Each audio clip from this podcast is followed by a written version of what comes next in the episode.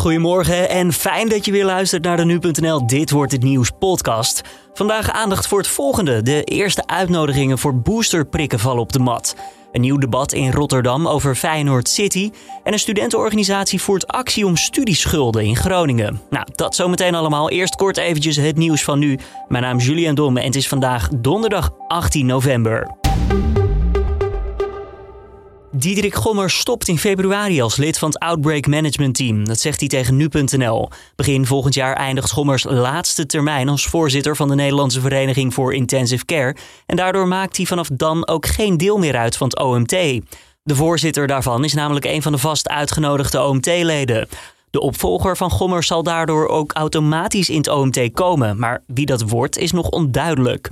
Gommer zegt zelf dat hij nog steeds bij talkshows zou aanschuiven als hij gevraagd wordt om iets uit te leggen over het virus. Maar ook wil hij zijn opvolger niet voor de voeten lopen. Overigens zou hij minder televisieoptredens ook niet erg vinden. Hij noemt het namelijk heerlijk om weer te verdwijnen in de anonimiteit. Tweede Kamervoorzitter Vera Bergkamp wil met fracties praten over de omgangsvorm in het debat. Aanleiding daarvoor zijn de uitlatingen van Forum voor Democratie woensdag. D66-Kamerlid Sjoerd Sjoerdsma en FVD'er Pepijn van Houwelingen botsten over het coronabeleid. Het klonk zo. De misdaden van hier Sjoerdsma zijn inderdaad niet te vergelijken met de periode... omdat ze onvergelijkbaar zijn. Want ze zijn op een wereldwijde schaal, zoals we van de globalist van u kunnen verwachten. En u moet zich diep en diep schamen. En uw tijd komt nog wel, want er komen tribunalen. Sjoerdsma maakte daarna duidelijk dat hij vond dat er een grens was overschreden. Ik moet wel eerlijk zeggen dat ik nog niet eerder mee heb gemaakt... een collega van mij hier aan de interruptiemicrofoon staat met een bedreiging. Die zegt, uw tijd komt nog wel. U komt voor een tribunaal te staan. Uiteindelijk maakte het FVD-Kamerlid wel duidelijk dat zijn woorden nooit bedoeld waren als een of andere vorm van dreigement richting Sjoerdsma of wie dan ook. Ahold Delhaize is niet transparant genoeg over hun plasticgebruik. Milieuorganisaties Client Earth en Plastic Soup Foundation dienen daarom deze ochtend een klacht in bij de beurswaakhond AFM. Het bedrijf schrijft wel over plastic, maar laat veel informatie ook weg. Tot verbazing van de Plastic Soup Foundation. De, de dingen die er echt te doen, dus uh, gewoon over hoeveel plastic wordt er nou in de hele business gebruikt. Wat is de impact van dat plasticgebruik op het milieu, het klimaat en de menselijke uh, gezondheid? Dat, dat ontbreekt eigenlijk in die, uh, in die rapportage. Plastic wordt gezien als een bedrijfsrisico omdat de regels daarover steeds strenger worden. En zo'n risico moet volgens de milieuclubs uitgelegd worden in de jaarverslagen. Zelf zegt Ahold Delhaize zich te focussen op zaken waar ze een verschil kunnen maken. Bijvoorbeeld minder plastic tassen en het recyclen van eigen plastic. Rotterdam schond de privacy van burgers door filmende auto's in te zetten om corona-overtreders op te sporen. Daarover schrijft NRC. Met de auto's werd bekeken of mensen wel genoeg afstand hielden, maar de privacywaakhond Autoriteit Persoonsgegevens laat in een rapport weten dat dat helemaal niet mag. De Rotterdamse burgemeester Abu Taleb zou die publicatie proberen tegen te houden, schrijft NRC. Een familielid van R. Kelly heeft acht jaar cel gekregen omdat hij een getuige in de zaak tegen de zanger heeft geïntimideerd. Vorig jaar stak hij een auto in brand voor de woning waar die getuige verbleef. Hij werd twee maanden later gevonden en opgepakt. Een jury stelde onlangs trouwens dat R. Kelly schuldig is aan mensenhandel, seksuele uitbuiting en afpersing. Pas in mei zal de rechter uitspraak doen, maar mogelijk krijgt hij een straf van tientallen jaren. En Suriname krijgt 44 miljoen euro van het Franse olie- en gasbedrijf Total. Het is als compensatie bedoeld voor de CO2 die het bedrijf de komende jaren daar verwacht uit te stoten.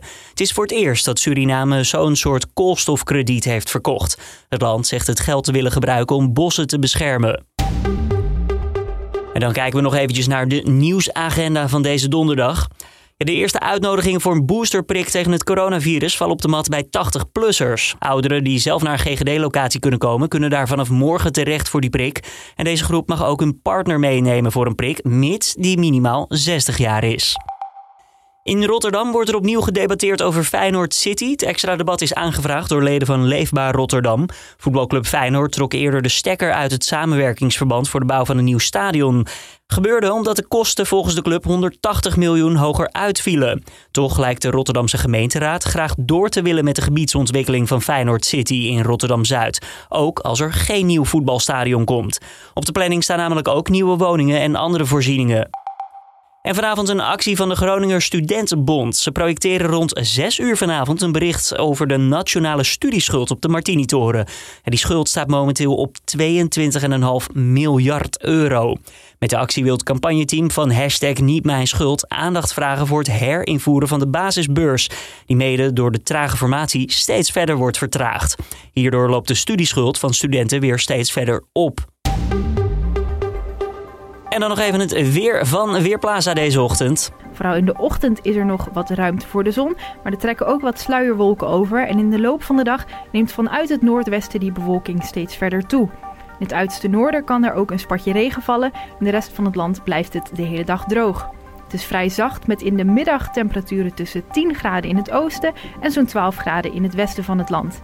De wind komt uit het westen en is vaak matig van kracht. Aan zee kan wel een stevige bries opsteken.